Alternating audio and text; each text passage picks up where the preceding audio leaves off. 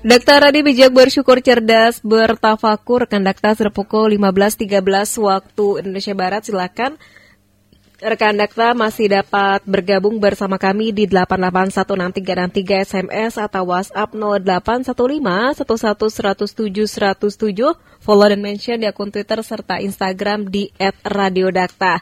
Rekan Dakta kendati prediksi ada perlambatan pertumbuhan ekonomi zakat uh, tren pada tahun 2020 diyakini meningkat. Dan seperti apa peningkatan tersebut kami akan eh, berbincang dengan pakar ekonomi Islam dari IPB Irfan Saukibek. Dokter Radio, bijak dan cerdas. Assalamualaikum Pak Irfan. Waalaikumsalam warahmatullahi wabarakatuh, Mbak Ulfi. Ya, Pak Irfan, bagaimana tren peningkatan untuk zakat di tahun 2020? Ya, jadi uh, kalau melihat uh, perkembangan ya di dalam lima tahun terakhir, uh, kami memperkirakan bahwa uh, kita akan tumbuh sekitar 30 sampai 35 persen ya untuk tahun 2020 ini. Walaupun secara rata-rata uh, apa uh, sekitar 20 persen ya pertumbuhan uh, pengumpulan zakat. nah ini menunjukkan bahwa memang uh, peluang kita untuk uh, meningkatkan angka penghimpunan zakat itu masih sangat tinggi meskipun uh, untuk tahun 2020 ini kami memprediksi uh, terjadi perlambatan pertumbuhan ekonomi ya. Karena ekonomi kita uh, kami prediksi saya prediksi di tahun 2020 ini tidak akan sampai 5 persen jadi mungkin sekitar 4,8 persen. Nah tetapi uh, saya melihat bahwa dengan tren uh, kesadaran berbagi yang semakin tinggi di antara masyarakat Indonesia ini, maka uh, meskipun terjadi perlambatan, tetapi untuk semangat berbagi saya melihat justru ada peningkatan. Nah, sehingga saya membaca bahwa uh, perlambatan ini tidak otomatis uh, menurunkan uh, semangat berbagi masyarakat.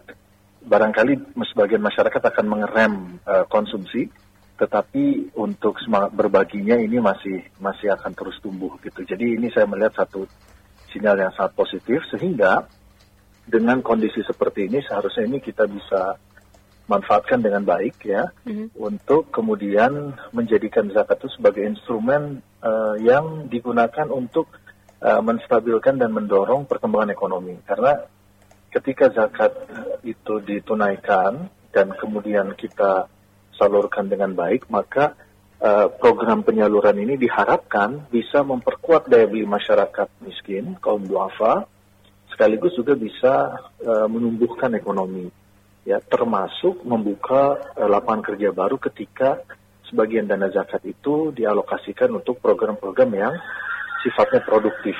Dan hari ini, kalau melihat di Basnas Pusat misalnya, itu target mereka itu untuk program produktif itu proporsinya bisa sampai 40%. Kalau tahun lalu 2019 itu di Basnas Pusat itu alokasi program ekonomi itu sekitar 37%. Jadi artinya uh, akan ada peningkatan dari 37% ke 40%. Yang artinya kalau tren ini merata di semua lembaga zakat, ya termasuk di Basnas-Basnas daerah, kemudian juga lembaga-lembaga amil zakat, artinya ini bisa membuka ruang untuk penguatan kapasitas produktif mustahik yang ini juga uh, akan ikut membantu menjaga supaya pertumbuhan ekonomi kita tetap pada level yang uh, yang masih oke okay ya. Hmm. Demikian, Mbak. Baik, jadi indikatornya uh, cukup banyak ini agar bisa meningkatkan tren zakat di 2020 ya?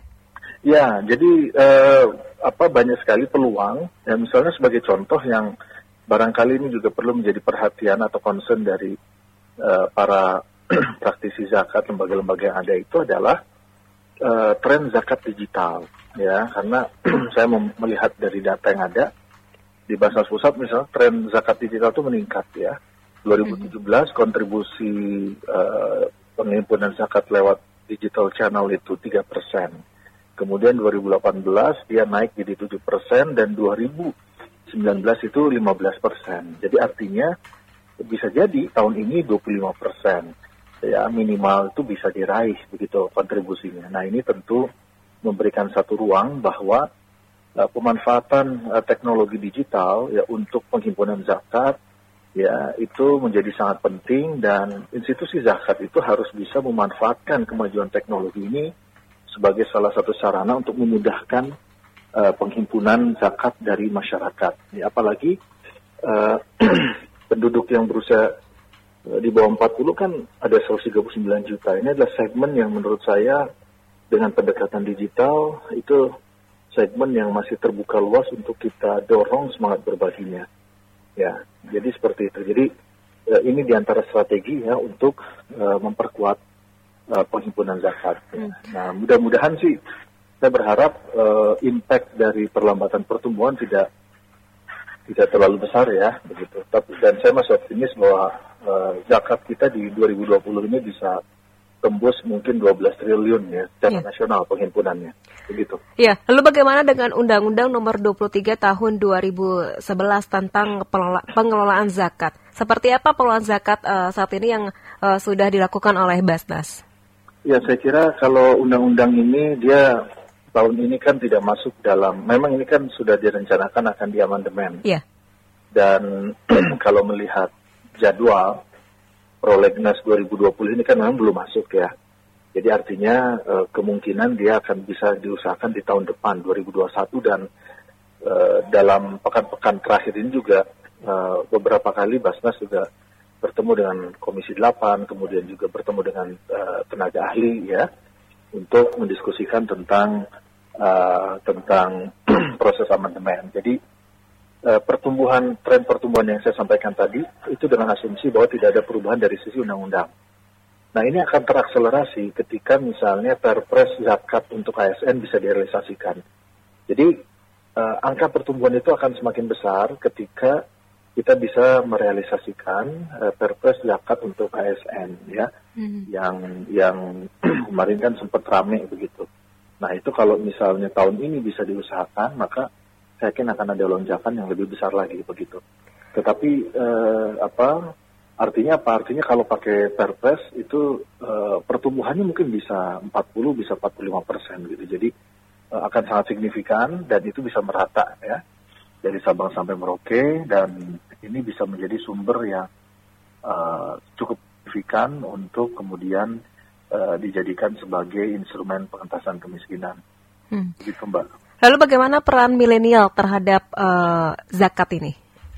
Ya, uh, masa depan zakat itu masa sekarang dan masa depan zakat itu sangat tergantung pada generasi milenial, ya dan tentu mereka menjadi uh, subjek dan objek yang memang harus kita uh, apa kita perhatikan dengan benar begitu ya, harus kita uh, treatment dengan baik begitu.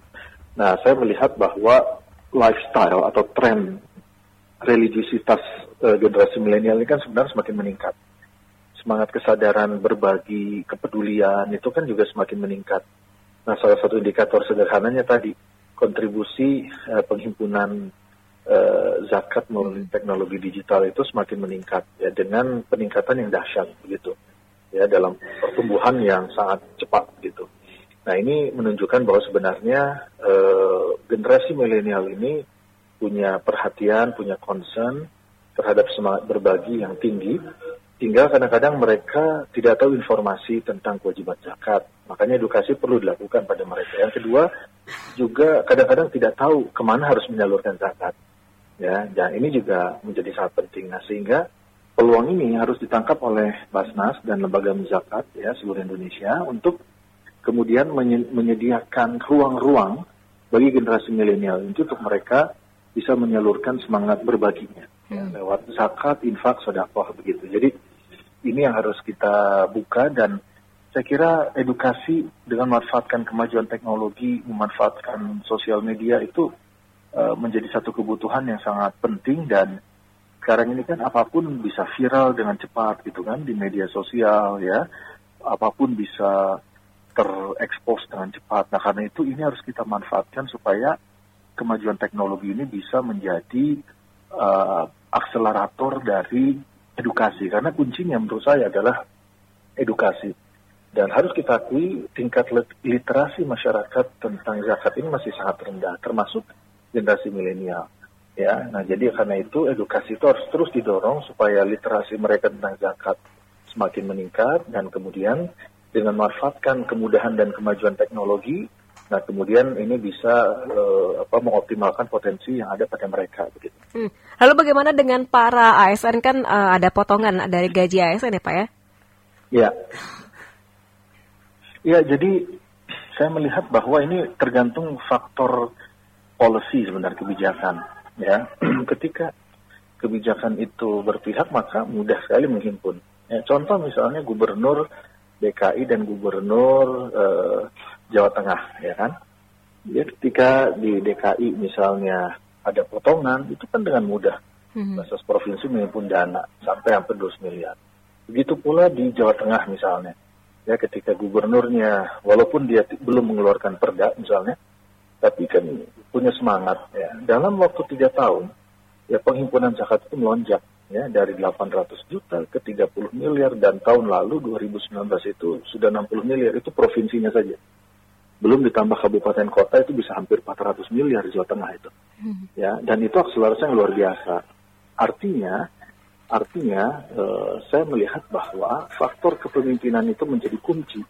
Dalam situasi hari ini leadership itu menjadi kunci untuk optimalisasi eh, penghimpunan zakat melalui aparat negara dan tentu uh, dalam konteks ini uh, apa leadership ini harus diimbangi dengan aturan yang memang memfasilitasi uh, munculnya semangat untuk uh, berzakat tersebut gitu. Nah jadi saya melihat di sinilah mungkin challenge bagi Basnas Pusat untuk terus menerus meyakinkan ya Presiden untuk tidak ragu menandatangani Perpres tentang zakat bagi ASN ini. Gitu Mbak.